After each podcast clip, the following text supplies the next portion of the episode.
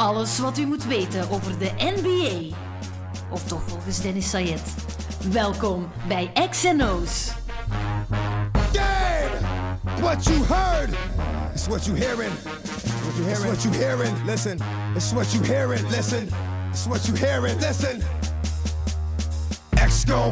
Welkom, welkom, welkom bij een nieuwe X&O's. We zijn ongeveer een maand ver in het NBA-seizoen en de topics om over te praten, die stapelen zich eigenlijk gewoon op. En weet u wat er zich ook opstapelt? De geweldige kledij van Codetta. In mijn kast dan toch, en dat zou ook zo in die van u moeten zijn. Mooie reclame, hè? Prachtig. De enige sponsor van de podcast tot nu toe. Dus die andere sponsoren die, eh, sponsors die interesse hebben, laat van jullie horen. Geen fysieke winkel meer van Codetta in België, in Antwerpen, maar wel nog te vinden in de webshop ku-de-ta.com. Ga daar zeker eens kijken. En vergeet ook niet om u te abonneren op de DM-podcast met mezelf en Max Whittle.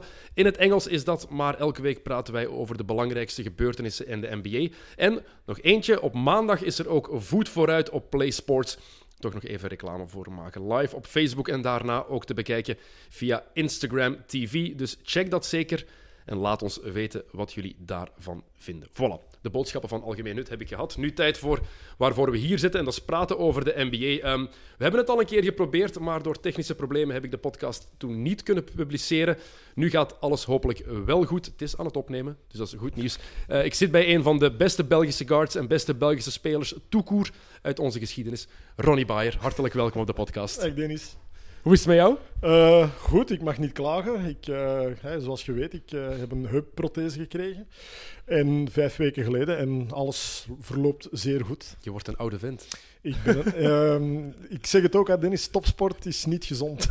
Is dat puur door, door het Ja. basket dat je die blessures nu hebt? ja, dus gewoon eh, door ja, intensief, de, intensief te trainen, je lichaam gewoon wekelijks, dagelijks in de rode te zetten. En dan krijg je op latere leeftijd... Ik kan nooit de woorden van Rick Samai vergeten.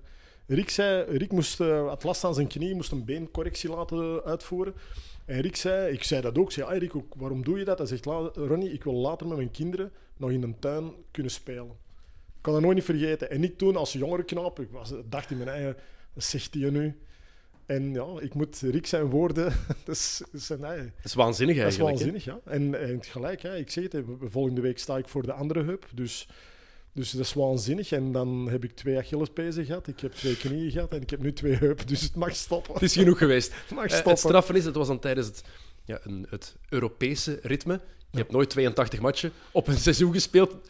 Nee, maar, wij, is- maar wij, wij hebben wel een volledig jaar aan een stuk wel gespeeld. Ik wou net vragen, die, hoe kan je dat vergelijken met de ballast die je in een NBA-seizoen hebt? Want in, jullie, in jouw tijd, jaren 80, jaren 90, ehm, het, het schoeisel is al geëvolueerd positief. De de vloer. vloeren zijn geëvolueerd. Ehm, nu is alles zoveel beter voor het Ja, lichaam van alle sporters. Maar ja, in die tijd, daar de 82 matchen zijn op een veel kortere periode. En bij jullie bleef dat gewoon dat, dat gaan. bleef hè? gewoon. Ja, wij hadden, ik, ik kan nooit vergeten, ik, wij kwamen van het Europees kampioenschap. En ehm, ja, de week daarna moest ik mij terug aanmelden bij Oostende. En ik vroeg aan meneer Van Moerkerke, ja, sorry, meneer, mag ik een beetje rust? Want ik had al twaalf maanden aan een stuk gebasket. En Van Moerkerke zei, ja, je mag dat hebben, je krijgt twee weken zonder betaling. En, en dat was ook zo, ja, goed. ik- Zonder betaling, Ja. dat is toch... oh, ja, Je kan je dat toch niet meer Nee, maar dat- inbeelden nu dat dat kan? Ja, maar dat was in die tijd met Van Moerkerk. Want Van Moerkerk, een contract was een contract. Je moest daar staan. Ja, en dan na, na 93, na het Europees kampioenschap, een maand later gaan we naar Griekenland, voorbereiding. En daar blaas ik mijn knie op. Door een jaar. Dus eigenlijk, Ja, de, over belasting. Ja, natuurlijk. het geeft toch ook heel hard weer hoe het veranderd is. Hoe ehm, voorzitters van basketbalclubs nu veel meer kunnen inschatten van oké, het is belangrijk dat die rust... Ik heb toch het gevoel dat dat nu... Medische Dat dat ook, bewustzijn daar veel meer is dan, dan. Ja, 20, 30 jaar geleden. en- zeker. En medische staf, hè, Dennis. Vroeger de medische staf. We hadden een kinesist, hè. En, en, dat, en dat was het. That's it, hè. Eh, mijn eerste clubdokter, de clubdokter van eh, de jongens die, die, die, waar ik met Mechelen bij, bij samen heb gespeeld, die gaan hier ook nog weten. Onze eerste clubdokter, ja, dat was... Vertel, vertel. Nee. Ik zie een, ik zie een speciale glimlach op het gezicht van Ronnie Bayer. Eh, nee, maar eh, niks afbreken aan, aan eh, zijn, zijn kunnen van, van, van dokter zijn, maar hij was nog gewoon een huisdokter.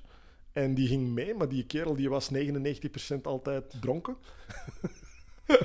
en, en ik kan nooit vergeten, ik kreeg eh, tegen Oostende een, een elleboogstoot van Denis van Verbergt was dat nog. Heel mijn lip lag open, die moest mijn, mijn, mijn lip dichtnaaien.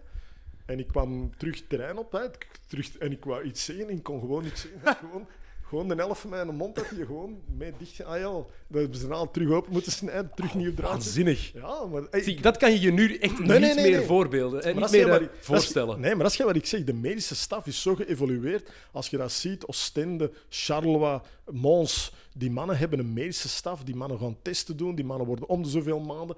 Het laatste van mijn carrière in Oostende heb je dat ook nog mogen meemaken, maar de beginjaren... ai, dat, is, dat, is, dat is maf. dat is gewoon maf. Je doet dit jaar voor het eerst in lange tijd niks meer in het basketbal. Nee. Ehm, mis je dat?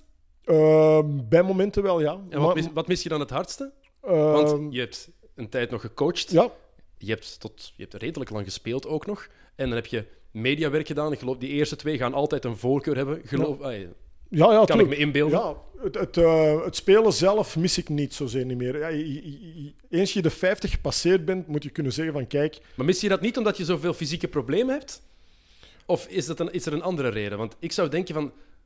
In het kopje... ik heb nog ja, in het kopje gaat alles van Dennis. Ja, Ik wil zeggen, als, ik, eh, als, ik, als ik op een terrein sta of ik heb een bal in mijn handen, hè, of, eh, of mijn stiefzonen hebben, zijn met een bal bezig, je hebt die een bal en je kunt nog altijd kunt die een bal op je Ik heb, eh, draaien, ja, mijn broer doen. heeft toevallig een paar jaar, voor de mensen die het niet weten, een paar jaar onder Ronnie Bayer gespeeld bij Redvik en bij Melcelen. Heeft mij verhalen verteld, Ronnie, van als er een man te weinig was op training. Ah, ja, Heeft mij verhalen verteld. Ah, ja, tuurlijk. Maar, en dan, dan doe je mee en dan, dan kun je drie, vier dagen niet uit de zetel daarna, maar, maar dan doe je wel mee. En, en ja, ik zal zeggen, het, ehm, het zit altijd goed in, de- in het hoofd. En die pas, zeker als guard, die pas, dat heb je ook nog. Het is gewoon de conditie die er niet meer is met die jonge gasten. En dat is ook zo. Bijvoorbeeld een Hofmans, hè, die, die kerel was 30 jaar jonger, maar dan, dan staat hij voor u en dan wil hij zijn eigen bewijzen en zoiets van... Ah, ik kan maar zeggen, dus de challenge was er wel altijd. En ik heb ook verhalen gehoord van als... Het gaat over Niels Hofmans. Waar speelt hij nu? Ergens in West-Vlaanderen, bij Seysselen, denk ik. Uh, Speciaal, Ja. ja. Ehm, die, eh, als hij dan in de ploeg van eh, Ronnie Bayer stond, als een man te weinig was op training, dan was het rebound pakken, bal naar Ronnie en daarvoor Niels erachter. En als hij hem niet kon hebben, hey, kom aan Ja, jongen. natuurlijk. een, beetje, een beetje dingen, hè, een beetje... Laten zien wie de big dog is. Natuurlijk, eventjes lopen, hè. Je moet lopen, hè. Die bal gaat altijd goed komen. Maar ik heb altijd dat ge- gevoel dat coachen kan een roeping zijn, je kan daarvan houden, maar diep van binnen, zeker als het een coach is die nog zelf echt gespeeld heeft, heeft op het hoogste niveau, je blijft toch altijd een speler? Of is dat niet het geval? Want bij sommige jongens, zoals bij een Brian Lynch bijvoorbeeld, zie je dat veel minder dan denk ik, die is gemaakt om coach te worden. Ehm, Snap je wat ik daarmee ja, bedoel? Ja, ik snap het. En... Kijk, Roel heeft dat ook zo'n beetje. Roel Moors bij de Giants heeft dat ook wel. Maar waarom is dat? Brian was een hele stille jongen op terrein. Dat was een hele low profile. Roel was dat ook. Roel was low profile eh, op terrein. Die deed zijn taken, die was leider wel, maar ik wil zeggen, die was low profile. Ehm, ik was meer temperamentvol. Ik was, ehm, ik, bij mij was dat elke match op terrein, als ik op terrein stond, wou ik gewoon winnen. Of dat ik nu speelde tegen de laatste, tegen de eerste, eh, of dat dat nu in België was, in Europa was. Ik wou altijd winnen. Ik, ik, ik veegde mijn, mijn frak, sorry dat ik zeg, mijn, mijn frak aan wie er voor mij stond. Ja. Ik heb eens ooit eh, met een Danny Herman, wij lagen in de kamer, het Europees kampioenschap. Danny speelde bij Mechelen, ik speelde toen bij Oostende. Eh, Mechelen speelde Europees tegen, uh, dacht Ljubljana, tegen Zdof. Ik weet niet of dat je Zdof kende.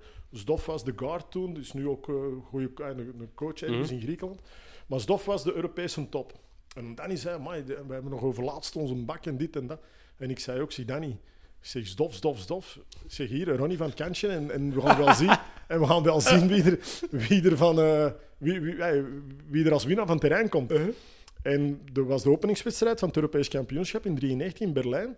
België tegen Slovenië. En wij wonnen met een, een dikke twintiger van Slovenië. Ja. En ja, een kleine dertiger te- in Zdofsen. Ah, Ik wil maar zeggen, maar, maar Die mentaliteit is er ook als coach altijd geweest. Ik heb dat trouwens bij het gevoel bij Jean-Marc Jomain bijvoorbeeld ook. Ja. Dat hij eigenlijk elke keer denkt als iets misgaat, kom, geef mij gewoon mijn, mijn, mijn tenue Ja. en mijn basketters, ik zal het wel fixen. Jean-Marc, ik heb nu een mindere periode bij Aalst en ik heb hem over laatst nog gesproken ook. En, en dat is het probleem, is ook temperamentvol. En Daarom, als coach, ja, maar als coach, en dat had ik ook. ehm, je moet dat kunnen kanaliseren. Je, je moet kunnen zeggen van oké, ik ben nu coach en je moet je temperament kunnen onder controle houden. Nu is dat beter bij mij.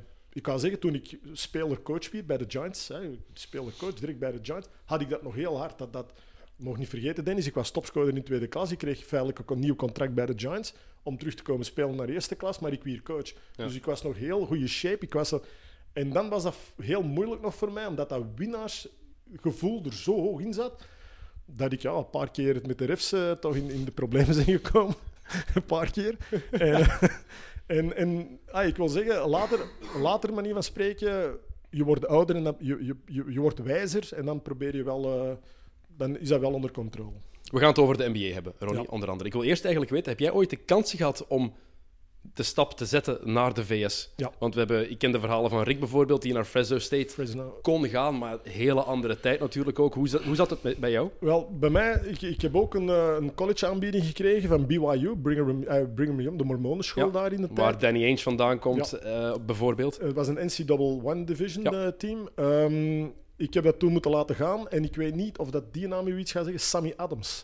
Sammy Adams nee. was een jonge kerel die bij Antwerpen speelde en die is met mijn scholarship naar Ginder getrokken. En die heeft daar, uh, die is er, woont, er, woont er trouwens nu.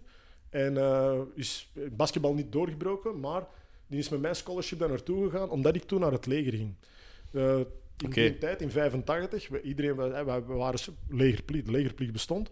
En de coach toen, de Poppen, coach Poppen, die belde mij op en die zegt: Man, wij gaan naar de wereldkampioenschappen in dat jaar. Uh, ik zie dat uw legerdienst eraan komt. Ga jij binnenkomen? En ik zeg: Oké, okay, goed. Ik kom binnen. En op het moment dat ik mijn drie dagen ga doen, en ja, mijn inlijst zal ik zeggen, mm -hmm. kreeg ik die, die aanbieding van BYU. Spijt van? Um, dat je die, dat niet hebt kunnen proberen? Ja. Wel, spijt van. Goh, ja en nee. Omdat je het niet weet, omdat het een, een, vraagteken is. Het is een vraagteken. Waar ik van spreek was 85, Dennis. Ik, wil ik zeggen, ben geboren in 85. Ja, dus dat was in 85 dat ik die aanbieding, die, die, die, die scholarship kreeg voor BYU. Um, en dan is dat een vraagteken altijd. What if, what if je gaat daar naartoe, je breekt daardoor, weet ik wat, want dan kom ik, met niet van spreken, zit ik in de, in de klas van Danny Ainge. Ja. Want ik denk dat Danny Ainge... Uh... Ja, denk wanneer die... Het is goed mogelijk hoor. Ja, die, die, die, toen net afgestudeerd was, denk ik. Ik weet het niet van Ik denk dat Danny Ainge niet veel ouder is dan ik. Dus ik denk dat hij uh, iets van een 54... Mm -hmm. 4, 55. Dus ik, ik zal waarschijnlijk dan mee in, in zijn team... Maar ik wil maar zeggen... Ja, what if... En dan het geluk gehad uh, met de nationale ploeg, Jack Ramsey. Dr. Ramsey, gekend, coach van Portland. Kampioen gespeeld met Portland. Ja in de NBA is dat Hall of Famer. Absoluut. Um, en wij hebben het geluk gehad van twee jaar samen te werken met die man. En die man wou mij meenemen naar Philadelphia, het senior camp Philadelphia.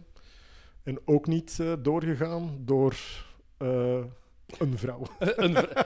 Dat, hoor, dat hoor je toch heel vaak. Europese spelers, waarom niet een vrouw? Oké, okay, uh, dat, dat, is heel, nee, heel mooi gezegd. Maar, ik, en, ik, ik, ik, ging trouw, mijn trouwfeest lag vast en ik, ik moest er dan naartoe en, en dit en dat. En... Hoe je erover praat, veronderstel ik dat jullie niet meer getrouwd nee, zijn. Nee, wij zijn niet meer getrouwd. Nee. um, heb, je als, heb je als speler tijdens je carrière dus wanneer je mee aan de het is Europese subtop, zullen we het noemen, want Belgische competitie was geen topcompetitie. Heb je dan nooit nog ja, iets gehoord van een bepaalde nee. ploeg, van een scout die kwam kijken of zo? Nee, juist alleen de Jack Ramsey die mij mee wou nemen en die, die ook zei van kijk, goed, ga bij de senior, bij de senior listing ga je komen, zegt hij. En die wou mij meenemen en die ging mij dan ook daar hmm. houden dat jaar. Dus ik wil zeggen, ik... ik want Jack had het voor jou en ja. voor Rick, want hij heeft in zijn boek, als je het boek van Jack Ramsey ooit gelezen heeft, praat hij over zijn ja. passage bij de nationale ploeg, want het is adviseur, adviseur geweest, van, van Tony van den Bos was dat. Um, twee namen die daar vermeld werden. Het was jij en was Rick Samai. Ja, ja. omdat ik met Rick, ja, ik met Rick, wij waren de as van de nationale ploeg. En... Het is wel mooi en flatterend, toch? Tuurlijk, maar ik, ik zeg het nog altijd, elke keer als ik die passage nog zie passeren in dat boek, dan heb ik zoiets van, dan krijg ik, zoals nu ook, dan krijg ik de kiekenbubbels, omdat ik weet, en Rick gaat dat ook weten, wij hadden drie aanvallen. One, two, three. En één was ik met Rick naar de linkervleugel en drie man naar de rechterkant. En wij speelden pick-and-roll game. Twee was in het midden en iedereen aan de zijkant. En drie was van... Dus ik speelde altijd met Rick, pick-and-roll. Altijd, uh. gewoon. En, en dat was Jack, dat was NBA-offense. Hè, want ik zeg het ook altijd, als je de NBA bekijkt, die offenses... Dat is niet zoals in Europa. In Europa heb je een setplay, je hebt zeven screens, een backscreen, nog eens dit, nog Nu eens begint dat. wel meer en meer te veranderen, maar zeker in die tijd, jaren 80, 90, was zo'n one-on-one league helemaal... Oké, okay, de bal ging bij de Celtics ging de bal wel mooi rond, bijvoorbeeld. Maar het is, ik snap wat je wil zeggen. Het is helemaal niet te vergelijken met hoe het spel in Europa was en is. Ja, maar je ziet dat in de NBA. Bij Boston zie je dat. Waarom? Dat zijn college coach geweest. Een college coach geweest. En lang gezeten. En... Mhm. Maar zelfs in die tijd, jaren 80, als je Bird, McHale, Parrish, Dennis Johnson, die hadden zoveel basketbal-IQ samen dat zij wel Ja. als ploeg ook speelden. Maar het was helemaal anders als je keek naar het New York met Bernard King bijvoorbeeld. Bal aan King en iedereen uit de weg en doe je dingen. En, en bij, de, eh, bij de Bulls was het triangle offense. Dat was altijd een driehoek. Eh, Ik, ik zal Ja. zeggen, als je, als je kijkt naar de Golden State, dat is ook zo. Die proberen ook wel altijd die driehoekjes te vormen. En je ziet altijd eh, Curry naar de hoek. Altijd dat, dat, dat loopje naar die hoek. En dan weten die altijd, die mannen perfect, die staat daar. We geven die een bal. Vier man draaien hun eigen al om. En, en, en ik wil zeggen, dat is... Maar dat is wel, en, en dat is wel het, het, hetgeen dat met Ramsey was. Maar Ramsey had het voor mij en Riek, omdat ja, nou, wij droegen de ploeg met twee ook. Hè. Danny Ainge, geboren 1959. 17 maart, heeft in college BYU gezeten van 77 tot 81. Ah nee, dat was, ik, dat was er al uit. In 81 is hij gedraft. En ja, ik had het moeten weten, titels gewonnen in 82, 4 en 86. Ja. Bij, eh, nee, het is, sorry, 84 en 86 alleen. 82 waren de Lakers. Ehm, denk je dat, stel dat jij in de NBA terecht was gekomen, wat was beter voor jouw spel geweest? Het NBA-basketbal van de jaren 80, 90 of dat van nu? Nee, vroeger. Ja? One-on-one. Maar, maar nu heb je geen handchecking. Nee, Als guard. Dus je mag niet nee je maar, moet, de- maar- beeld je dat eens in. Dat je verdediger voor je staat en dat hij je echt niet mag... Ja, ik weet het, maar, maar ik had dat graag. Dat is heel... ik wil zeggen, ik had graag dat ik wist waar dat die man was, want ik had vroeger een trucje. En mijn trucje was, en dat zullen de verdedigers of spelers die tegen mij of met mij samengespeeld hebben wel weten, is... Ik, ik, ik zette mij af op het hand waar ze mij mee vasthielden. Dat wil zeggen, ehm, ik was linkshandig met de bal dribbelen, maar ik sloeg dan rechts, sloeg ik altijd hun defensive hand sloeg ik weg. En daarmee bracht je die ook uit evenwicht, die mannen. Dus die trok je zijdelings naast je. Dus voor mij, ik had graag contact. Maar zeker in het begin van je carrière was Ja, je zo explosief. Ja, Ik denk, als, je, als ik die beelden nu terugzie, van je eerste, wat is het, vier jaar bij, bij Mechelen? Hoe lang heb je gezeten? Vijf jaar? Als daar iemand staat die je niet mag handchecken, dan zie ik jou daar met gemak voorbij Ja. blazen. Zeker als je kijkt hoe atletisch ze toen waren in die Ja. tijd. Nu is het misschien iets anders, omdat het waanzinnige atleten zijn, maar... Het is allemaal atletisch nu, ja, ik wil zeggen. Dat is geen... eh, Over laatst ik nog met Willy, met Willy Steveniers. En Willy zei ook... Willy zei, ik stond al voor, qua atletisch vermogen, stond ik tien jaar verder. Ah, ik wil zeggen... Dat was, dat was een van mijn sterkte. Ah, mijn sterkte ook was mijn atletisch vermogen. Ik was snel, ik kon, kon vrij hoog springen voor een kleine. Ehm, en ja, in, zeker de eerste vijf jaar bij Racing Mechelen. Dat is... eh, ja. Naar welke spelers keek jij op? Waren dat Belgische spelers of waren daar al NBA-spelers bij toen jij groeide in het basketbal? Vooral na de NBA, maar bij onze NBA in die tijd was dat heel sporadisch. Dat moest gaan Hoe naar- ben je dat beginnen volgen eigenlijk? Basketbalkamp. Basketbalkamp. En dan kwamen die videotapes. En dan waren er nog die oude beta-videobanden. En dan kregen we eens een wedstrijd. En dan kregen we die mee. En dan eh zo is basketbalkamp weer, die is uitgezonden. Want dat kwam bij ons op, op televisie in de tijd, dat bestond niet. Dus eh Telenet was er nog niet, bijvoorbeeld. NBA was er nog niet. NBA League Pass met de computers, dat was niet in onze tijd. Dus dat was er helemaal niet. Dus dat was sporadisch. En dan veel boekjes. Hè. Dat was nog Ja. eh, boekjes en lezen. En, en En wie waren dat dan? Welke spelers ja, heb jij wat naar Bird, gespiegeld? Ja? Magic, Bird Magic, Johnson, Magic Johnson. Ik zou Isaiah John Thomas Stockton. bij jou gezegd Ja, hebben. Ik vind jou echt een Isaiah Thomas-type meer. Als ik zo kijk naar, naar die tijd, die begin, jaren 80 tot 85, dan denk ik echt explosief op de guard, degelijk shot, goede atleet, beetje een klootzak op het veld. Ja. Voor Ja, mij ja, is dat compatibel ja, met Ronnie Bayer. Ja, nee, maar, en vooral de, de, de bad boys. Hè. Ik wil Ja, zeggen, daarom. De, de bad boys, dat, die zag ik graag bezig. Zeker die, de series met de Bulls. Dat was altijd een heel leuke serie. Maar ook de Bulls tegen New York eh, was ook altijd heel, heel leuk eh, om te zien. Maar, eh, maar ik zag ook vooral naar Stockton. Om, om de- vooral de pick-and-roll situatie. Ik probeer altijd goed te ontleden. Ik denk niet dat er iemand ooit beter een pick-and-roll heeft gelopen als het duo Stockton-Malone. Nee, dat is. Dat is. Puur qua screen zetten en qua screen gebruiken. En ik vind het zo straf als je dat vergelijkt. Stockton is nu eens echt, denk ik, de meest onatletische topspeler, Hall of Famer, die de NBA ooit gehad heeft, denk Ja, ik. en Curry gaat een tweede worden. Hè. Curry is atletischer dan we denken. Mag, je echt niet onderschatten. Ja, mag je echt niet ja, on- maar- onderschatten. Kevin McHale bijvoorbeeld minder atletisch dan Stephen Curry. Qua atletisch vermogen, hè? Absoluut. Ja, maar McHale was... Sorry, maar Ik was... geef het- een voorbeeld. Ik geef gewoon Ja, een voorbeeld van een soort speler. McHale was het dan... Als je dan het... eh, ehm, asshole. Ja, ja, dat is- dat is waar. Daarachter, dat heeft Curry niet. Ik wil zeggen, dat, dat is hetgeen wat ik vind, ook in Europa, ook in de Belgische competitie. De NBA, sorry dat ik zeg, maar vroeger was het vuil een basket, hè, smerig een basket. Maar het mag ook gewoon niet meer. Je wordt, vanaf dat je te veel begint te praten, krijg je al een, een Ja, maar nee, maar ik wil zeggen, ja, maar, maar ik wil zeggen, smerig basketbal wil ik zeggen, de bal is links en rechts heb je een akkefietje. Ja, dat was een klets, hè. Ja, ik wil zeggen. Dat is echt een vuistslag. Hè? We oh, waren pas er waren pas er beelden van Kareem Abdul-Jabbar, die letterlijk die een elleboog in zijn, in zijn, eh, zijn onderbuik kreeg. Hij wacht 10 seconden, komt terug en slaagt gewoon met zijn vuist op die andere zijn gezicht. Hè? Ja, maar dat was, hier, dat was in België ook in de tijd. Hè. Kerry Trotter, sorry, ik heb eh, big fights met Kerry Trotter in Is het echt? Tuurlijk. big fights. En echt vuisten. Vuist, ja, politie en al ertussen. Wat? In Mechelen, natuurlijk. Racing Mechelen, de oude zaal van Racing Mechelen, waar het nu de, nieuwe zaal van De van. Maar al onder de basket stonden, stonden polities. Hè. En eh, dat was altijd, ja, dat was zo. Wauw. En de wedstrijd, eh, dat was afgefloten. En dat was altijd, in de wedstrijd was er al zoeken, elleboog daar, veldenslag daar, dit. eh. ik, eh, slagen en incasseren, hè, dat, dat, dat, was in, dat was in een tijd zo, hè, simpel. en de fluitsignaal ging en dat was... dat En was- doorgaan. Oh ja, dat ging doorgaan. Was, ja, doorgaan wil ik... Ja, Ja, ja, qua- tuurlijk. ja, dat bedoel ik, doorgaan qua vechten, hè. Ja, ja, tuurlijk. En na de tuurlijk, match ook? Tuurlijk. Nu is, het, nu is het eigenlijk, ik zeg, het, ik zeg dat altijd, basketters en voetballers kunnen niet vechten. Ik meen het ook.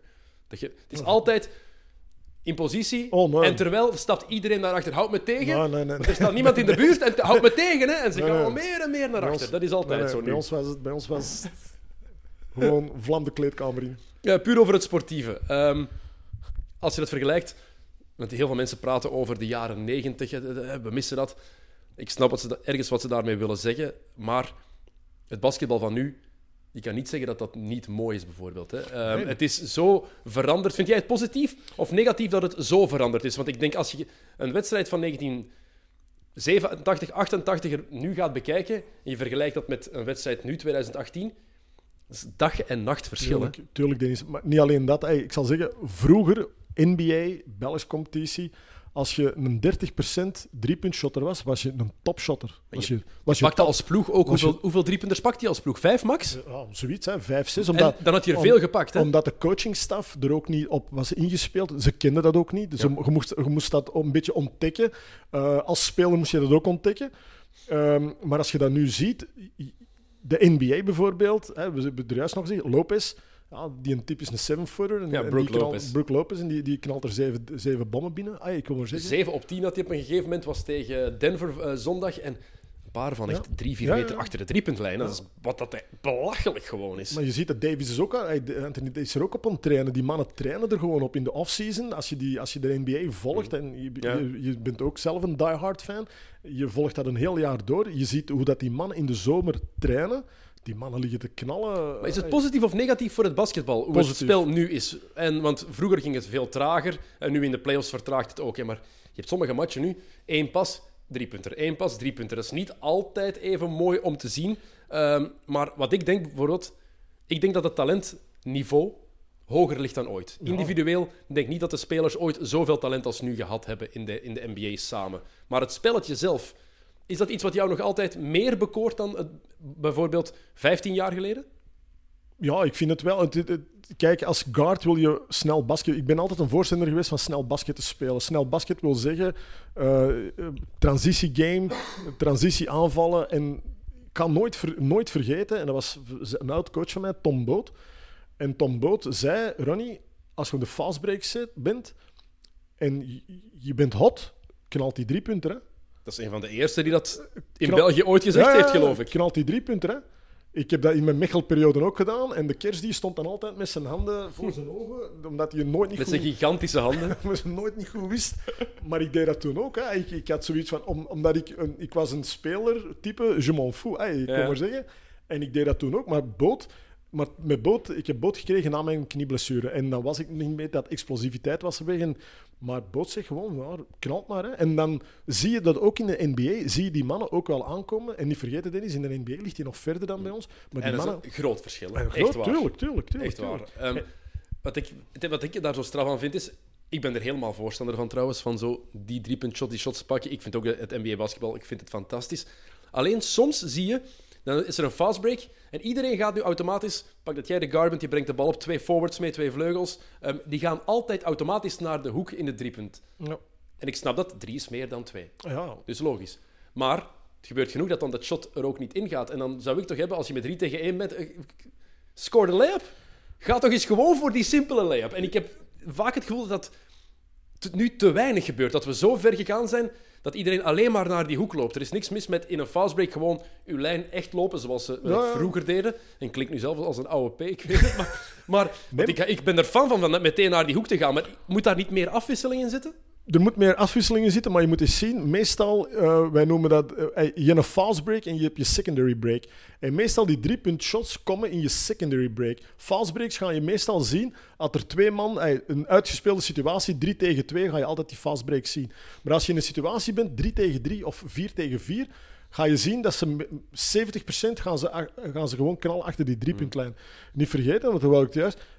Het percentage nu in de NBA ligt tegen de 40%, hè, Dennis? Drie punt shots. Hè? Chris Middleton Dus- scoort 46% Hey. van zijn driepunters op dit moment, bijvoorbeeld. Ja, het is dat, hè. dus het percentage gaat, hij gaat altijd maar hoger en hoger. Dat wil zeggen, manier van spreken, een two-pointer of een three-pointer, dat percentage, gaat dat? Vijf, Maar een layup is 90%. Maar een lay- layup, maar het is daarmee dat ik zie, als je moet maar eens opkijken, outnumbered situations gaan ze voor de, voor de layup, 3 tegen 3 is 4 tegen 4, gaan ze meestal voor het shot. Mhm. Ja. Dus dat is een beetje de NBA nu. Wat ook wel veranderd is, dat is al jaren zo trouwens, maar je merkt het meer en meer. ehm, je bent geen fan meer van een ploeg tegenwoordig. Hè?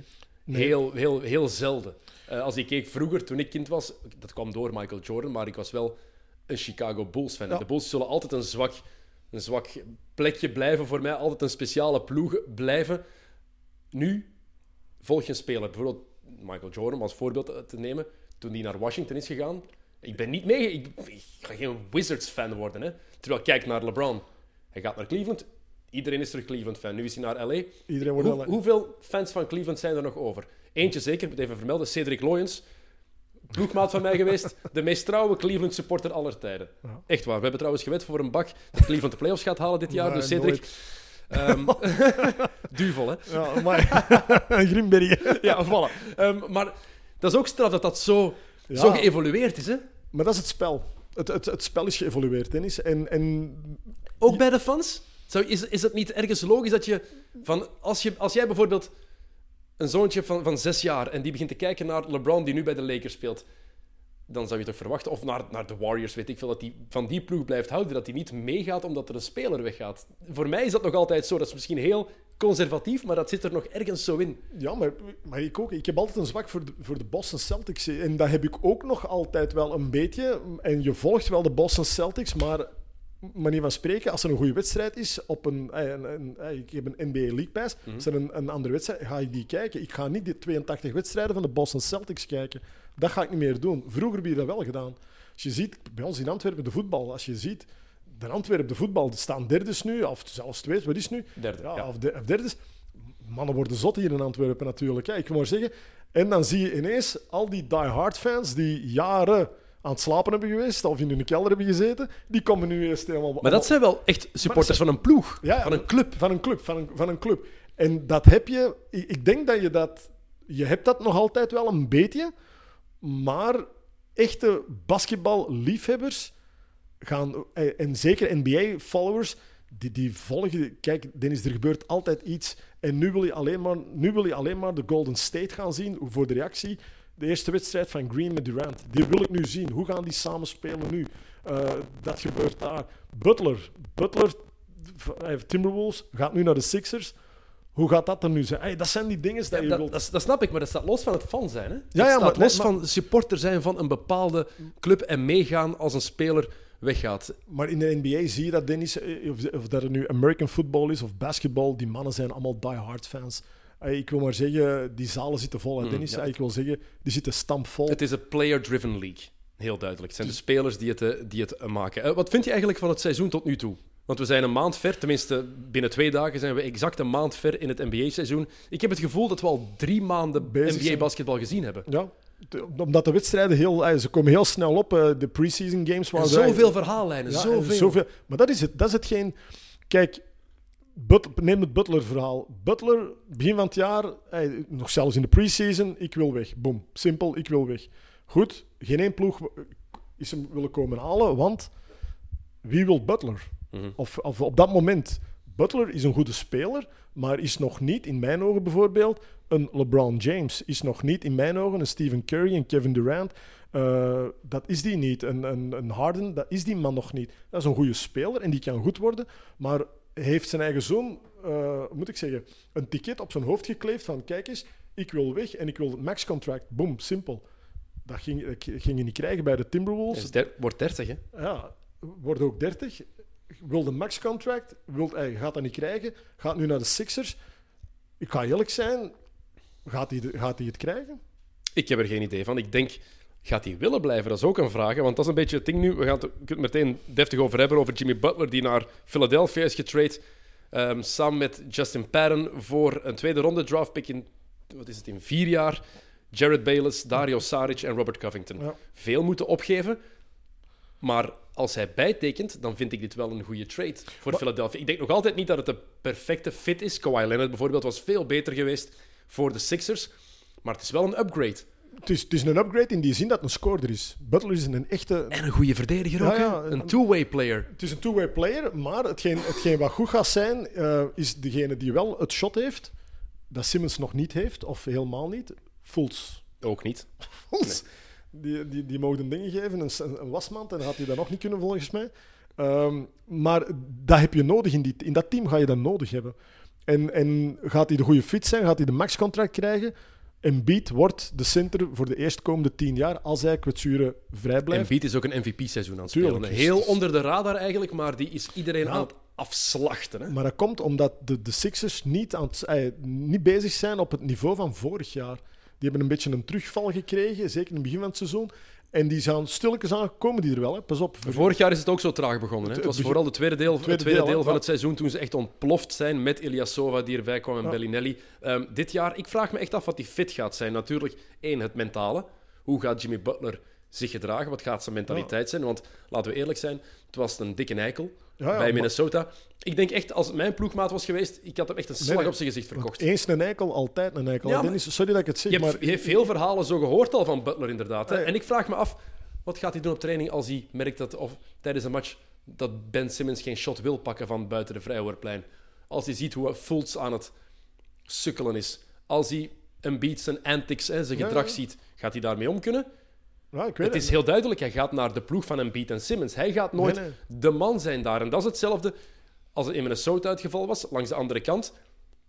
Ik denk wel dat, als je moet kiezen, Towns Wiggins, Simmons en Embiid. Embiid, Embiid en Simmons zijn wel twee jongens die veel harder werken en meer de mentaliteit hebben die Butler ook heeft.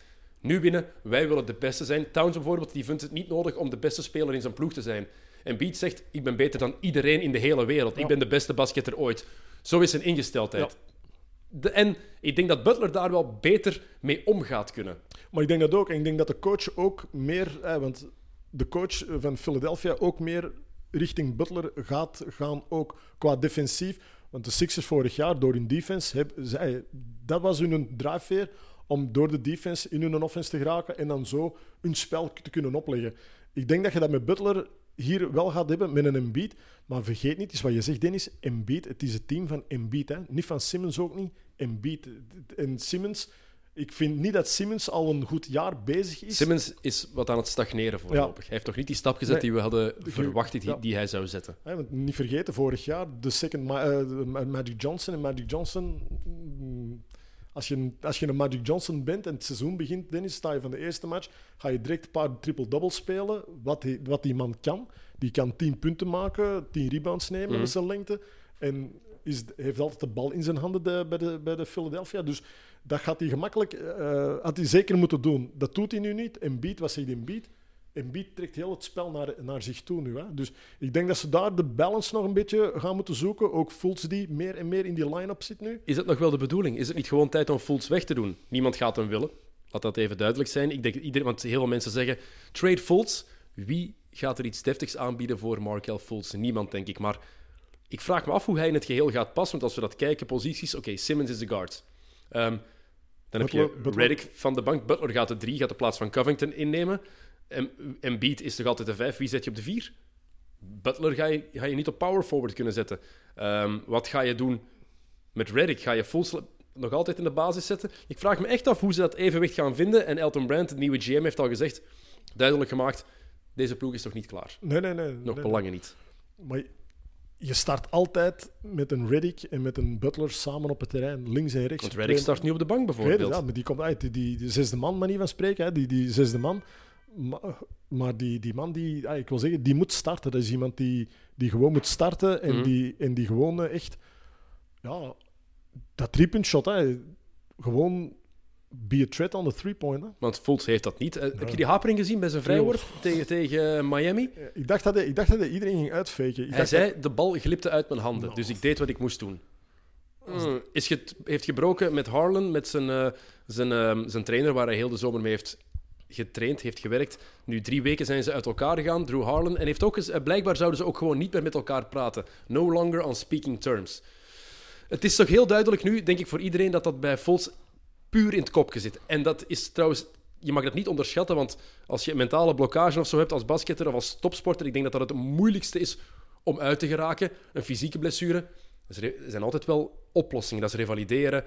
Maar mentaal, geraak daar maar eens uit. Hè. Als dat in je kop zit, ik kan niet meer shotten en je, je denkt constant na bij elk shot dat je pakt, daar, daar kom je toch nooit meer uit? Maar Dennis, als speler Mhm. vind ik, nou, als speler heb ik er een heel ander idee over. In die zin, in die zin dat zijn mannen die miljoenen verdienen. Wat, wat zou er nu in die zo'n kop kunnen zitten? De druk, niet, zeggen. niet om kunnen met de druk. Number Dat- one dat draft dat- pick dat vorig is, jaar. Dat is het, number one draft pick en hij kan het niet waarmaken. Dat is het. Als je uh, Colin de Hurt, als je op Twitter leest, is een bust. Hè. Fultz is gewoon een bust. Maar daarom dat dat... Okafor is een bust. Maar dat bedoel, dat bedoel ik ook. Hè. Het, het mentale aspect is ook belangrijk. druk. Bij Okafor bijvoorbeeld, die past gewoon fysiek... Jalil Okafor, die past gewoon met zijn manier van spelen niet in de NBA 2018. Dat is een speler voor 1994, 1993. Ja. Dan had hij... Dat was potentiële all-star geweest. Denk ik echt, Jalil Okafor. Maar Fultz was een number one draft pick, waar ze Jason Tatum voor hebben opgegeven eigenlijk bij Philadelphia. Ja, ja. Is een goede atleet, is een goede verdediger, meen ik echt. Ja, natuurlijk. Hij heeft een goede drive in zijn, in zijn benen, in zijn spel. Maar puur dat shot. Als guard moet je shotten. Maar hij had dat ook. Als je dat ziet, hoe hij dat deed bij de nationale ploeg van Amerika vroeger, bij, in de college, jeugd, in college. Die gast had een deftig shot. Dan moet er toch iets gebeurd zijn waardoor dat gebroken is. Ook al vind je dat misschien zelf raar als speler. ja, ik vind dat raar, omdat... dat is toch bij, elk bij elke persoon is dat anders, hè? Maar ik vind dat raar, Dennis, omdat ik, eh, we, zeiden dat er juist ook. Voel je, wil je nog basket? Voel je, als je op een terrein komt, Dennis, het is eender eh, 52, 45, je hebt die een bal. Als je ooit, eh, als je ooit hebt kunnen shotten, blijf je shotten gewoon. Dat is het rare eraan, hè, Dennis. Maar omdat jij ook misschien denkt, en de meeste zo zijn, van je komt erop, ah, ik zal iedereen... Ik ga eens binnengooien. Oh, dat is ja. het eerste. Maar als je het tegenovergestelde denkt en je begint constant jezelf, aan jezelf te twijfelen, jij gaat het als speler nooit gehad hebben en je zou er ook nooit hebben. Maar zou- Bij is dat zou- duidelijk wel het geval, Zouden toch? die mannen geen... geen eh, eh, zoals een mental coach, ik wil zeggen... Maar werkt dat? Dat is de vraag. Hè? Is dat genoeg? nu gaat er iets komen. wij hebben dat ook eens ooit gehad. De mental coach. De mental coach is dus ooit met ons mee geweest. Nationale ploeg, als ik me niet vergis, was nationale ploeg. Ehm, en die een tip, dat was op de luchthaven. En wij zaten met een man of drie samen en die kwam bij ons zitten en die begon zijn verhaal te doen over het mental. En ik kan eerlijk zijn, ik, ik ben moeten doorgaan. Ik wil zeggen, je hebt jongens die dat nodig hebben. Je, ik kan het anders zeggen, je hebt jon- jongens die je tien keren op een training op hun poep moet slagen en zeggen, kom on man, je bent goed bezig. Mhm. Maar je hebt er ander bij die je, manier van spreken, ik was zo iemand, hoe meer dat ze onder mijn kont shotten als trainer, hoe meer dat ik had van, oké man, ik zal eens laten zien. Ah, versta je? Ja. Dus ik had dat nodig. Als je tegen mij drie keer op mijn kont sloeg en zegt, kom on man, dan had ik zoiets van, hey man, laat me gewoon gerust. En, en ik heb dat niet... Ah, versta je Gewoon basketten, Gewoon ja. basketten, play. Ja. hey. Maar, maar je, je hebt dat wel nodig, maar ben je dan klaar voor de NBA, Dennis? Ja, oké, dat maar- is... Hey, dat, dat, dat, dat, Het is ook pas gebeurd bij Fultz nadat hij gedraft was. Ja, Want in wel. Summer League zag het er nog wel goed uit. En dan kwam pre-season en ineens was daar Wat dat is, shot. Wat is er dan gebeurd? Ja, dat, is, dat is de vraag. hè. dat is de vraag. Hè? En ik geloof alleszins nooit dat het echt een schouderblessure is geweest. Maar is geloof ik is- niks van. maar Hij is er geopereerd wel. Hè? Dan nog? Is, ik, ik, ik weet zelfs niet of hij geopereerd is. Ik denk het niet. Ik denk het niet. Wat hij heel lang uit geweest, hè? Ja, tuurlijk, maar Lang zo uit- met- door die schouder. Maar ze hebben er nooit echt informatie over gegeven. Dus ze hebben ook nooit gezegd of hij geopereerd is. Je Ja, kan ook oud gaan, oud zijn door een, door een mentale, mentaal issue, hè? door een mentaal probleem. Ja, maar ik denk als Butler komt, denk ik dat de dagen van Fultz daar geteld zijn. Willen ze, Zie, zie, je, zie je Butler wel kijken naar Fultz als hij weer zo is, zo'n vreselijk shot? tuurlijk. Hoe lang gaat het duren voor Fultz zijn zelfvertrouwen helemaal weg is met Butler erbij? Twee dagen of twee uur? Want Maar dan moet je niet naar de NBA. Ik kan zo ook zeggen, Dennis, want in elke ploeg in de NBA heb je wel de go-to guys rondlopen en de mannen die de ploeg dragen. En die mannen gaan je altijd... Kyrie Irving bij de Boston Celtics. Hè, als je de laatste tweets van LeBron nu manier van spreken, you wanted the team, uh, take care of your team. Hè. Ja. Ik kan maar zeggen, hij geeft ook die, die, die onder, eh, onder de gordels tweetjes zo'n beetje van, je wou je eigen team. Of zijn LeBron's. Op zijn LeBrons, hij is nog een beetje ingekaderd, zo maar een beetje scho- schoolboy. Maar uiteindelijk weet hij wel, hey, Kyrie Irving weet over waar het gaat. En Kyrie op het moment is ook niet het jaar aan het spelen. Laatste jaar trouwens, hè, want die wordt vorig, eh, volgend jaar, na dit seizoen... Hij heeft gezegd dat hij bijtekent, natuurlijk. Heeft hij gezegd. Ehm, sinds hij trouwens zijn haar, zijn afro heeft afgeknipt, Ja, ik weet, is afgeschoren, is hij weer terug de oude Hij Kyrie. is, is beter aan het spelen, dat weet ik. Maar ik zie de New York, ik zie, ik zie volgend jaar iets gebeuren in New York. Ik volg Enes, Enes eh, op Twitter. En, en het is een leuke tip trouwens voor te volgen als je die volgt. op. Ja. Als je die volgt op Twitter, een leuke tip. Maar ik blijf erbij. Ik denk dat er in, in, eh, in New York wel iets gaat En dan heb je het over Kyrie Irving en Kevin Durant, veronderstel ik. Die Dat- twee samen. Dat denk ik. Als, als Durant weggaat, gaan die, gaan die met twee naar daar. En dan... Ja. Ja, want ja, gaat Durant weg? Dat is de vraag. Er, is heel, er wordt heel veel over gepraat. Ehm, want ja, waar veel mensen duidelijk op aan het wachten waren, is gebeurd. Het drama bij de Golden State Warriors. Eh nipte nederlaag op het veld van de Clippers. In reguliere, ze hebben verloren na overtime. Reguliere speeltijd. Vijf, zes seconden. Durant wou de bal. Draymond Green dribbelt hem over. Balverlies. Ruzie achteraf. Ehm, eerst voor we het gaan hebben over de gevolgen, wat er allemaal gezegd is. Had Draymond Green die bal moeten afgeven? Ja. Want als we het langs beide Als je, als, je, als, je de fase, als je de fase bekijkt, op het moment dat Green de bal... Het is een rebound, hij neemt een rebound. Als je de fase bekijkt, staat Durant direct naast hem, manier van spreken. En als je de fase goed bekijkt, loopt Clay Thompson loopt door, aan de rechterkant loopt door, want die, die staat op een zeker moment, als hem zijn fumble speelt, staat die moedermens alleen open. Hè? Oké. Clay Thompson. Maar Draymond Green is altijd de gast geweest die gecreëerd heeft voor de Ja. Warriors. Moet je dan niet, als je de bal niet krijgt, als je Durant bent, gewoon naar je spot lopen en hopen dat Green doet wat hij altijd doet. Tenminste, dat is die drive inzetten en dan kick-out naar een van de vrije shooters. Dat doet hij zo vaak. Ja, in de regular, in de regular eh, moet ik zeggen, in een, tijdens de wedstrijd doe je dat, maar dit is niet tijdens de wedstrijd. Dit is de clutch play. Mhm. Dit is de play, want tenslotte had je geen rush. Hè. Je had nog iets van een 7, 8 seconden, als ik me niet Er was vergis. tijd genoeg. was tijd genoeg om gewoon die bal af te geven. En Durant is een clutch, is een finisher. Durant is dat simpel. Dan weet je, als je zo iemand in je team hebt, die naast u trouwens staat, dan geef je die bal. Ah, ik wil zeggen, en ik begrijp de reactie van Durant. Want als je bekijkt de reactie ook van Clay Thompson, als die naar de bank gaat, die is naar de bank aan het gaan, maar die is ook bezig. Hè? Die, die, die zie je ook van. Eh, versta je? Dus ik wil Ja. zeggen, dat zijn mannen, dat zijn finishers.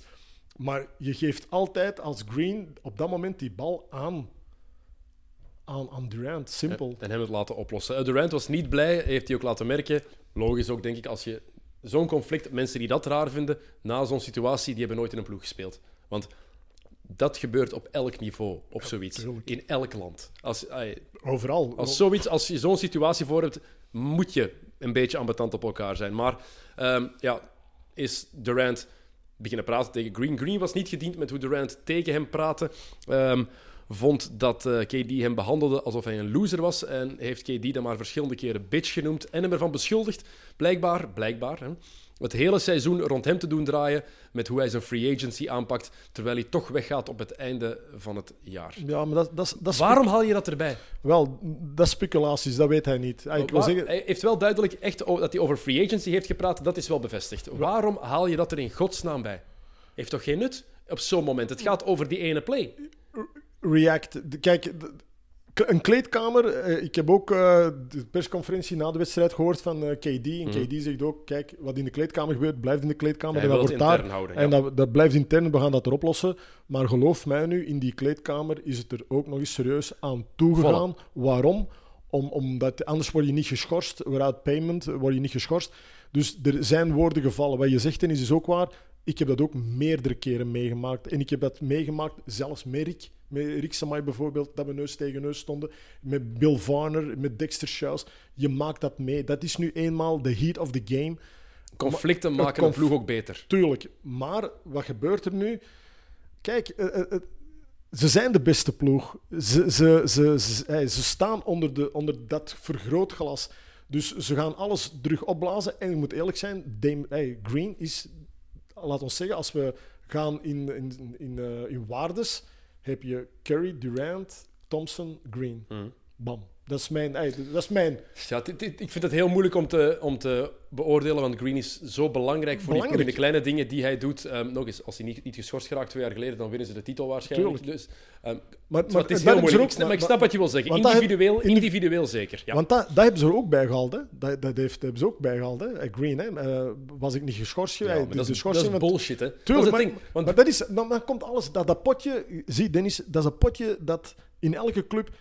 Dat is een glas. maar het is, het is wedstrijd 15. Ja, maar Dennis, maar het is seizoen 4. Ja, twee- drie met Durant. Drie met... maar seizoen, seizoen 3, maar dat, potje vul- vult altijd. Ik wil zeggen, dat vult totdat er moment komt dat dat overloopt. En dat is nu overgelopen. En er moet heel veel gebeurd zijn in de kleedkamer. Er is blijkbaar niet gevochten of zo. Ehm, maar ehm, Clay Thompson, die heeft gesproken.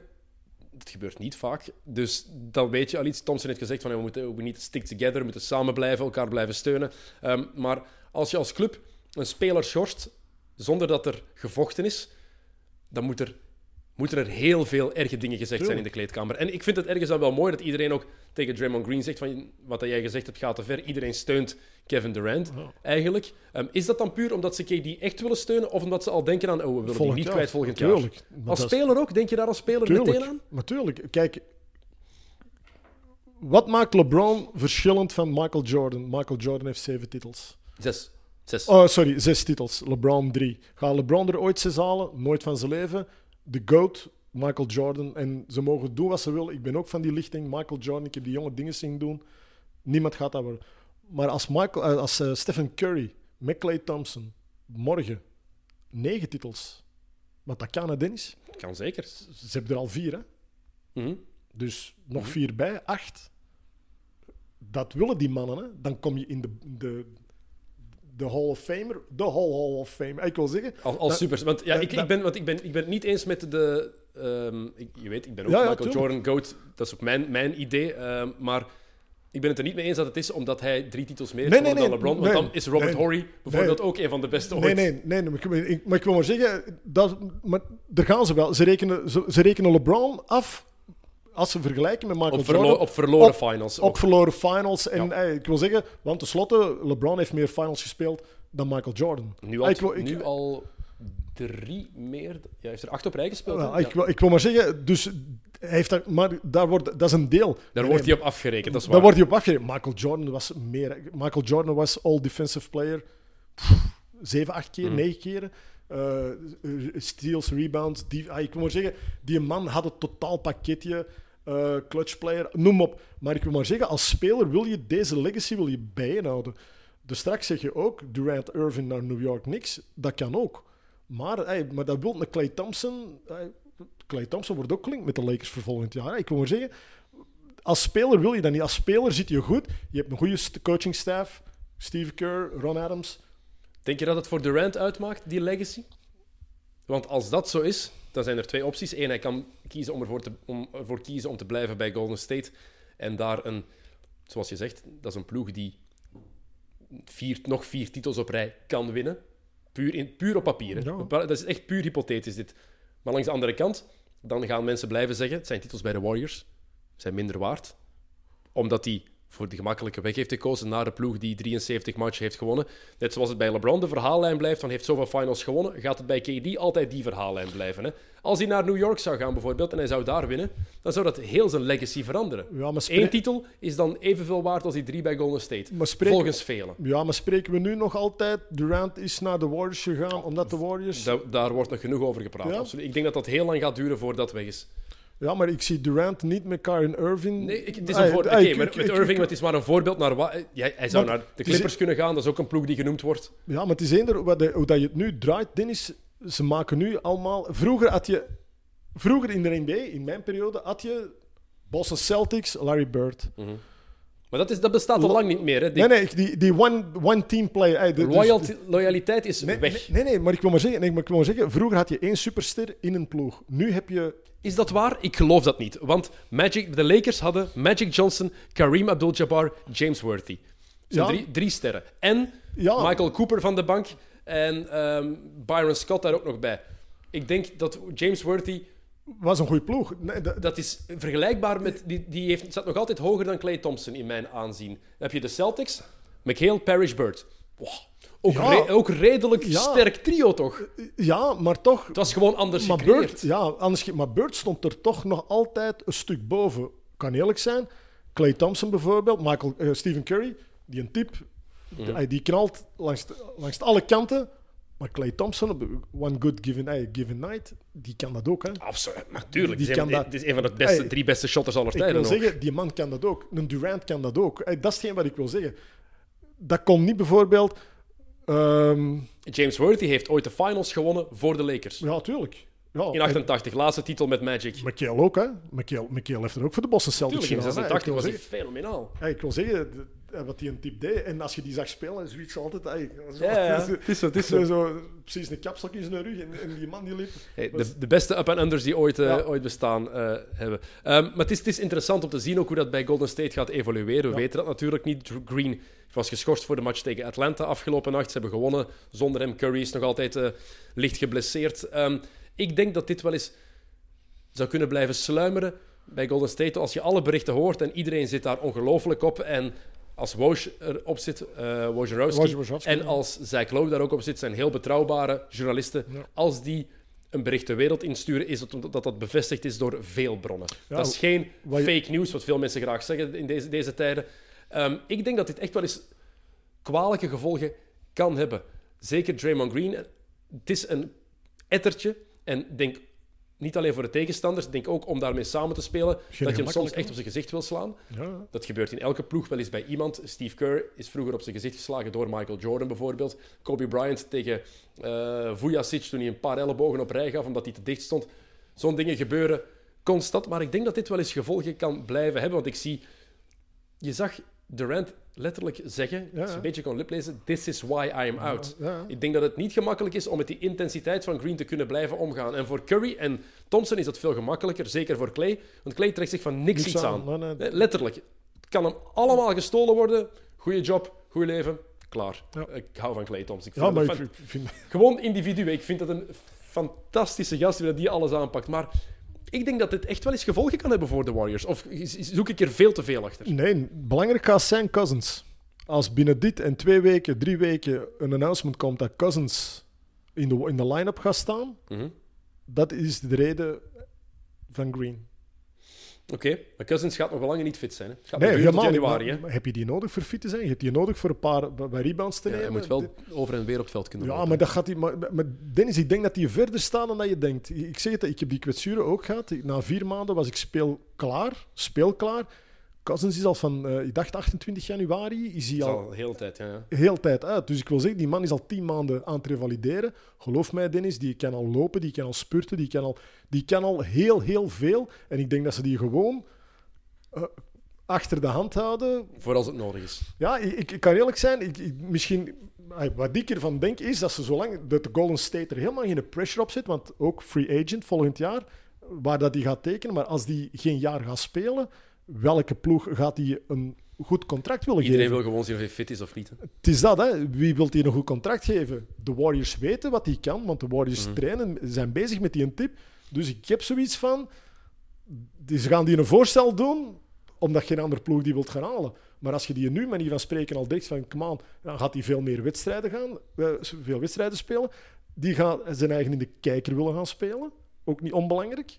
Sle- en dat is een sle- altijd slecht teken voor een ploeg. Tuurlijk, want je, je- de sterkte van de Golden State is... Langs de andere kant, hij heeft nog nooit de playoffs gespeeld. Nee, hij wil die ring. Hij wil Ja, die- maar hij heeft nog nooit in de, letterlijk nog nooit in de playoffs gespeeld. Hè? Geen match, hè? Gedraft in 2010. Ja. Vorig jaar was zijn eerste kans met New Orleans. Heeft nog altijd geen enkele playoff match achter zijn naam staan. Dus ik denk, hij gaat zich inderdaad willen bewijzen, maar omdat hij ook weet wat voor een situatie dit is, dan gaat het daar anders zijn. Ehm, iemand waar het wel helemaal gedaan voor is trouwens, volgens mij toch, is Carmelo Anthony. Ja, maar Dit is, dit is echt over en uit, hè, die carrière. Ehm, bij Houston het gaat daar niet echt goed bij. Bij eh, de Rockets voor Carmelo Anthony is nu ziek, zogezegd. Nou, Tussen heel veel aanhalingstekens. Echt zeker tien aan elke kant. Ehm, maar is- het is, toch, is dit fijne carrière voor Carmelo Anthony? Moet hij doen wat Tracy McGrady zegt? Stoppen? Tuurlijk. McGrady die heeft gezegd, want het is tijd, ga nu op pensioen. Doe niet. Kijk, hij, hij had, Dus hij had dit niet jaar, aan. Hij had dit jaar al moeten zeggen van kijk, retire, shirt, bam, shirt in the ceilings. eh, ik, ik ga op retirement. Want gaat hij weer naar een ploeg of naar een ander ploeg, zijn legacy gaat weg. Hij, hij is een Hall of Famer. Iedereen is nu al bijna vergeten, denk ik, hoe goed Mello is geweest. Tuurlijk, tuurlijk. En laat ons even duidelijk maken, je zei het, het is een toekomstige Hall of Famer. Hè? Tuurlijk, maar zeker. Als je ziet wat hij in de tijd, dat hij, wat hij, toen hij van Denver kwam naar New York, wat hij daar allemaal gedaan heeft. In 2009 heeft hij Denver met Chauncey Billups naar de conference finals geleid. Na vier matchen stond het 2-2. Ze verliezen game 5. Maar eigenlijk was Mello de beste speler in die serie. Oké, ze verliezen die serie van de Lakers van Kobe. Maar het had evengoed, we hadden evengoed dat jaar een finals kunnen krijgen. Waarin de, de twee beste spelers Carmelo Anthony en Dwight Howard waren. Ja. Beeld, beeld je dat nu even in? Ja, ja, ja. Beeld, beeld je dat negen jaar Ja, later en, eens en- in? En dat is maf, hè, want Dwight Howard heeft dat ook gedaan. Hè. Die, zat, die zat gebakken en gezaaien bij Orlando. En wat begint die man te doen? Die man zegt zoiets van: Oké, ik wil max contracts, ik wil ook op. En die begint ook te. En waar heeft hij nou allemaal gezeten? ja, het is zo. En Mello, Mello had gewoon in New York moeten blijven. En, Maar New York wilde hem niet meer. Had Nee, nooit kunnen blijven. Maar dat is ook zo. eh, Kijk, dat is een butler. Kijk, Carmelo was ook geen, eh, ge- geen gemakkelijke in een kleedkamer. Ik denk dat Carmelo ook geen gemakkelijke was om te coachen. Denk ik. Dat is Dat- mijn- nee, als je de verhalen hoort, dan Ah, is dat- zo. Als je kijkt hoe hij nu al zegt in elke persconferentie in het begin van het seizoen met hoeveel tegenzin hij van de bank zou komen. Tuurlijk, wel, maar dat is geen. Kijk, hij, hij, hij heeft zich nooit kunnen, kunnen eh, steken in die, die, die sixth man, de, de, de, zesde, de zesde man. Hij heeft dat nooit niet zijn eigen in kunnen zetten. Hij, hij vindt van zijn eigen dat hij de Hall of Famer is, dat hij moet starten. Maar als je naar een ploeg gaat met een James Harden, met, met een eh, Chris Paul, met, eh, ik wil zeggen. je En als, je, en als je hem ziet spelen, ik denk dat jij op dit moment nog beter verdedigt dan hij. Ja, maar, verded- ja, Ben ik echt, zeg ik met ja, maar uitgestreken gezegd, hè? ik meen dat. En niet alleen dat, als je dan weet, Houston Rockets defense is de grootste Achillespees van de Zeker Houston dit Rockets. jaar terug. Ja. Met Harden, hey, kijk, als je zegt, als je Harden en eh, Carmelo in de line-up hebt staan, ja, dan zijn we met 5 tegen 3 aan het spelen in defense. Hè. Dus, wat moet hij doen? Gewoon stoppen. Retire, ja. Nu meteen. Ja, nu. Gewoon zeggen van, kijk mannen, boom, ik stop. Ik denk niet dat hij dat, dat hij dat gaat doen, eerlijk gezegd. Want is, het Ja. eergevoel bij Carmelo Anthony is te groot. Maar het jammer is dat we inderdaad vergeten hoe, goed goed, hij was. Zelfs het ene jaar bij New York, ik denk 12, 13, waarin ze 50 matchen winnen. Ehm, ze verliezen dan tegen Indiana in de tweede ronde van de playoffs, omdat Roy Hibbert Tyson Chandler helemaal afmaakt. Maar daar was hij fantastisch. Hij was denk ik nummer twee of drie in de MVP-verkiezing Ja. dat seizoen. En terecht. Maar bij, nu, bij Houston, het werkt niet. Het klikt duidelijk niet. Maar wat me wel stoort, langs de kant van Houston, is dat ze het veel te vroeg echt opgeven. Zoek een oplossing. Je bent ervoor gegaan om hem in te passen in deze ploeg. Ze hebben terug een nieuwe defensive coach. Hè. Ze hebben Dus een is- nieuwe, de oude is terug. De, de, de oude is terug. Ja. Sorry dat ik zeg, de, de, de oude is terug. Dus er moet een defensive plan komen. Er gewoon, Maar denk je, ik. je- het kan toch niet dat je zo'n speler met die naam aantrekt en ook al betaal je hem amper iets, want hij heeft al het geld van het vorige contract. Daar moet toch meer, je moet daar toch meer in investeren. Of zie ik dat nu verkeerd? Ik vind dit... Oké, Mello is inderdaad vreselijk dit jaar. Dat is gewoon zo. En ik vind ook dat zijn carrière eigenlijk gedaan is. Maar als je er toch voor bent gegaan bij Houston, dat je dan na 15 matchen opgeeft, dat vind ik een beetje zwak. Ja, maar ik denk, denk dat ook niet dat Chris Paul daar een beetje de hand en James Harden een beetje... Als Chris Paul daar een hand in heeft, is het heel erg, want het zijn beste vrienden. Ja, wel, maar, maar, ja, maar ik wil maar zeggen, als je beste vriend gaat halen en hij kan niet brengen wat je ervan eh, gezegd hebt, of, eh, want 9 van de 10 heeft Paul gaan solliciteren bij eh, Michael, Michael D'Antoni, voor te zeggen, breng hem en dit en dat. En dan, er moet toch iets zijn dat Mike D'Antoni hem ook zo ineens opgeeft. Het waren nooit de beste vrienden. bij New York ja, ook New al York niet. hè. ook al niet. hè. Voilà. Dus, maar dat is geen... Kijk, dan is hij dan gekomen via de general manager of via Ja, ja, het is. Daryl Morey die hem Dus, heeft eh, binnengehaald. Die heeft gewoon binnengehaald. Maar het straffen is ook Carmelo Anthony. We kennen hem van de spelen Olympic Mello, spot-up shooter. ja, Maar zijn nu ook zijn open shots, hij, hij, hij mist gewoon te vaak. En dat vind ik vreemd. En ik vind dat vooral vreemd. Het is een voormalige topscorer. Het is een van de beste scorers van de laatste 15 jaar. Maar je zag dat ook in de latere jaren van de carrière van Tracy McGrady. Toen hij bij San Antonio zat in de finals, 12-13 denk ik, heeft hij nog een jaartje meegedraaid. Tenminste, hij speelde 30 seconden per match. Die touch was ineens weg. Ja. En tijdens de matchen, want ja, zoals je zei, als je ooit hebt kunnen shotten, je blijft altijd, er altijd in. Maar ik vind dat heel vreemd hoe dat ook bij Mello het geval lijkt te zijn. Ineens kan die bijna niet meer scoren. Ja, maar het ding, Dennis, dat is eh, fysieke conditie ook. Hij is niet in shape. Als je Mello ziet, hij staat gewoon niet Dat in is shape. altijd wel zo geweest. Hè? Mello is altijd een valse en een valse dikke geweest, dat we Ja. altijd zeggen. En een valse dikke, maar toch eh, zag je aan zijn bewegingen dat, dat hij er wel, die, dat die, die explosiviteit erin zat. Hij heeft nu ook geen explosiviteit. Hij loopt gewoon naar een spot, staat daar, wacht op de bal en shot. Maar dat, dat is wat ze van hem willen. Maar dan moet hij, Dan als moet- je dat moet doen, moet je moet ze toch gewoon binnengooien. Als je zo'n goede scorer bent geweest, ik, ik schrik daarvan dat die percentages zo laag zijn. Ja, maar in New York, hoeveel baltouches zou Mello gekregen hebben in New York vooraleer, eh, in een wedstrijd? Hoeveel baltouches? Toen was het ook volop midrange. Midrange, hè? Dat is, eh, hij is de man van de midrange. Hè? Dus met andere woorden is er maar één oplossing, dat is San Antonio. Ja. Omdat het de enige ploeg is die En- meer midrange shots pakt dan vorig seizoen. Ja. Wat heel vreemd is, maar het werkt blijkbaar. Ja, maar dat is hè? Dat is Popovic, hè? Maar Zie, je dat gebeuren? Ik nooit, bijvoorbeeld. Nee, ik zie hem ja. nooit naar, naar San Antonio gaan. Ja, alhoewel, ik, ik, Pop kent hem van bij de USA-team. hè. Dus ik, ik- hij, hij kent die, hij weet, hij weet wel wie Carmelo is. Alleen blijf ik erbij, als het dan ook weer niet lukt, dan ga je, ga je meer die, Die legacy nog in, meer. Die legacy meer ondermijnen. Het beste zou zijn, stop ermee. Dat, ey, dat, is, mijn, dat is mijn feeling. Oké, eh, nog een paar dingen, want we zijn al even bezig. Ik ga je niet blijven ophouden. Ehm, de blessure van Caris LeVert, heb je die gezien? Ik heb ze gezien, ja. Ehm, ik had nooit gedacht dat het zo zou meevallen, want de enkel is ontwricht, Ja, niks gebroken, niks afgescheurd. Fantastisch nieuws voor één Brooklyn, want LeVert, cruciale speler, en voor hemzelf was bezig aan een, eigenlijk zeker in het oosten, all-star seizoen. Heel goed jaar, voorlopig aan, eh, bij elkaar aan het spelen. Maar door zo'n dingen te zien, begin ik meer en meer schrik te krijgen soms om naar een match te kijken als iemand naar de, zich als, als een zot in, in de paint stort. Want ze gaan daar nog harder in dan ooit, hè, naar de basket. En hoe met dat atletisch vermogen... Ik heb die blessure van Hayward vorig jaar gezien. Je hebt die van Paul George zoveel jaar terug. Open beenbreuk. Hè. Kevin Ware eh, in college een tijd terug. Dit is zo, ik vind dit zo ongelooflijk vuil elke keer om te Ja, zien. Dennis, ik spreek uit ervaring. Ik heb, ey, ik heb ook al mijn kwetsuren gehad. eh, bij de kruisbanden af met een beweging. Mm. Ey, mijn, mijn voet stond in de andere richting. Ik, Met een pivotbeweging. ey, ik zal zeggen, een dish off en weglopen naar de andere kant. En mijn voet bleef staan en ik stond naar de andere Ah. kant. Ey, ik wil maar zeggen, dat zijn, dat zijn, je voelt dan, ey, als je een, een eh, kiekenbeentje, een Ja. kiekenbeentje uiteentrekt, zo, dat, is, dat is hetgeen wat je... maar maar die, dat is hetgeen wat je zegt. Hè. Alles wordt zo atletischer, explosiever.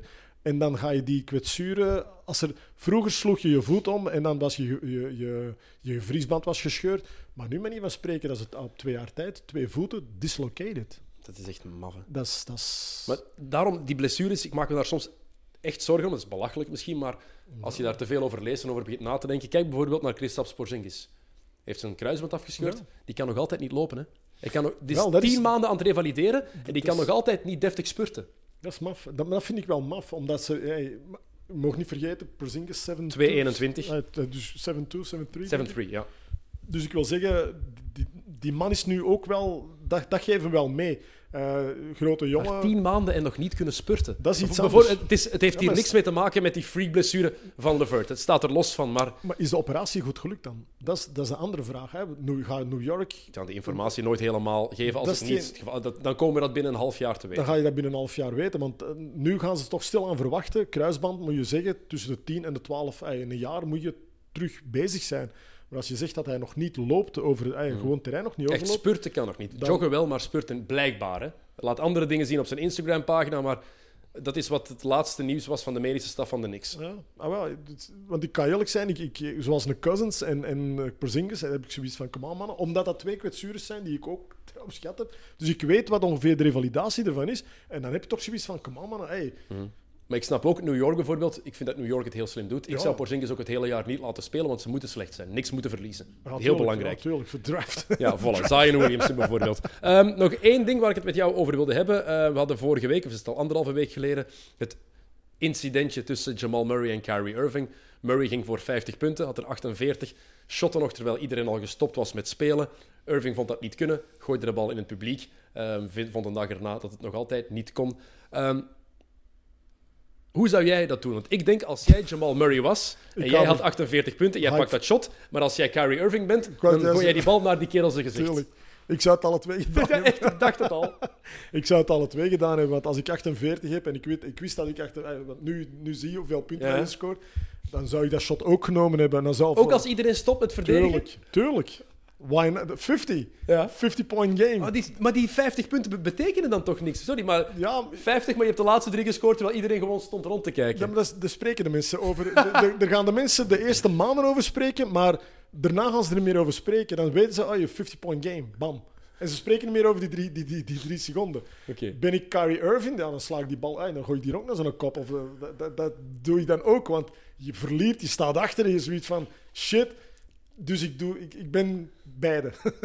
dat, dat dacht ik al, dat dacht ik al. En nog één dingetje, dan gaan we er echt mee stoppen. Ehm, het oosten, we weten dat, het is de top 4 daar die voor het grootste gevaar zorgt met Indiana. De vijf beste ploegen, eh, ik bedoel, wat is het? Ehm, Boston, ehm, Philadelphia, Toronto. Toronto, Milwaukee.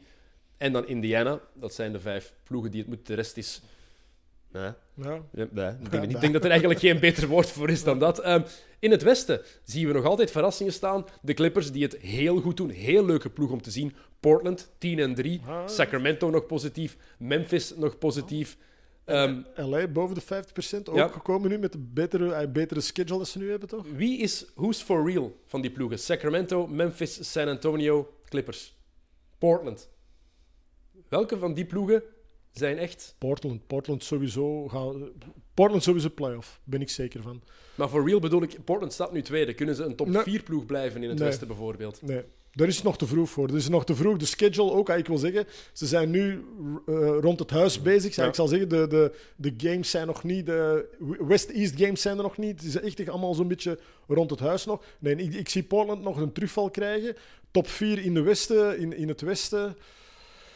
Want Eh, Sacramento, Memphis, San. Antonio. Ik had die alle drie uit de playoffs. Ik denk dat ik me over San Antonio misschien wel ga beklagen. Maar Sacramento en Memphis, ik zie de playoffs nog altijd niet halen. Hoe leuk ze ook zijn om naar te kijken. Nu, zeker Sacramento. Sacramento is, Sacramento is goed. Ik wil zeggen, die zijn, rebuild, die zijn toch aan het bouwen terug. Dus ik heb zoiets van, uit die indoog, dat, dat kan een verrassing zijn. Dat kan een verrassing zijn.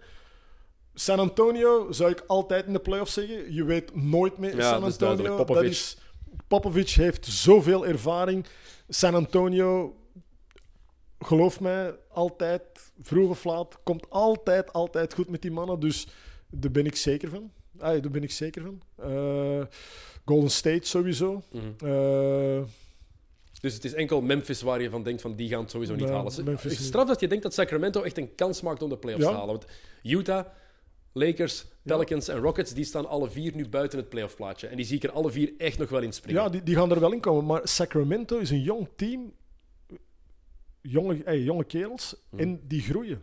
Die, die gaan alleen nog maar beter worden. Voor, nogthans, als je toch een beetje sympathie voor de Celtics hebt, moet je hopen dat ze heel slecht zijn. Want de Celtics hebben een draftpick, behalve als het nummer 1 is.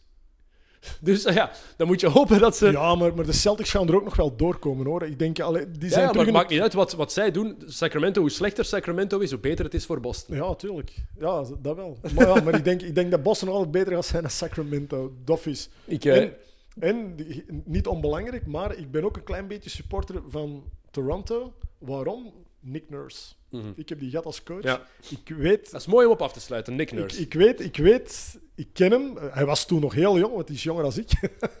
dat is ook een maffe. Was het moeilijk om daar naar te luisteren ja, dan? eh, Ja, zeker. Omdat ik op dat moment ook... eh, Ik zal zeggen, Dennis, ik was op dat moment, eh, denk ik, 8, 29, denk ik.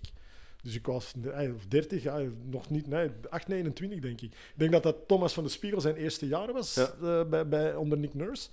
Th- Thomas Broek vindt je nog bij ons toen. Eh, maar dat was heel moeilijk om naar te luisteren. Maar dan weten waar dat hij nu zit, Dennis, dan heb ik zoiets van... En weten waar dat hij gezeten heeft, hè. België en dan Engeland. Hè. Mhm. Is niet uit Engeland gegaan, hè, maar niet van spreken. Hè. En dan van Engeland terug naar de, de States, assistant. Wat het systeem, oké, hij, hij werkt een beetje verder op het systeem van Dwayne Casey, maar dan beter eigenlijk. Ja.